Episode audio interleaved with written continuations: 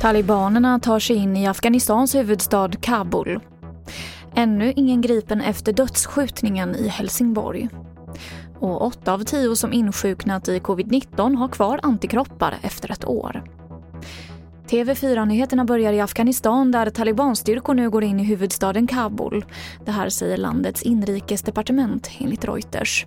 Landets regering tillbakavisar dock uppgifterna om att det pågår en invasion. Expressens korrespondent Magda Gad är på plats i huvudstaden. Det är inte jättemycket strider, det förekommer eh, sporadisk skottlossning men det är absolut kaos. Det går liksom inte att komma fram i trafiken.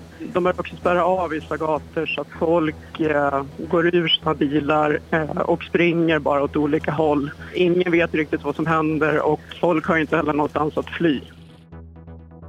Ännu har ingen misstänkt gripits efter att en man i 25-årsåldern sköts ihjäl i Helsingborg i natt. Mannen hittades utomhus och avled av sina skador och polisen söker vittnen till händelsen. Åtta av tio som insjuknat i covid-19 har kvar antikroppar efter ett år. Det här visar en ny svensk studie på Danderyds sjukhus i Stockholm.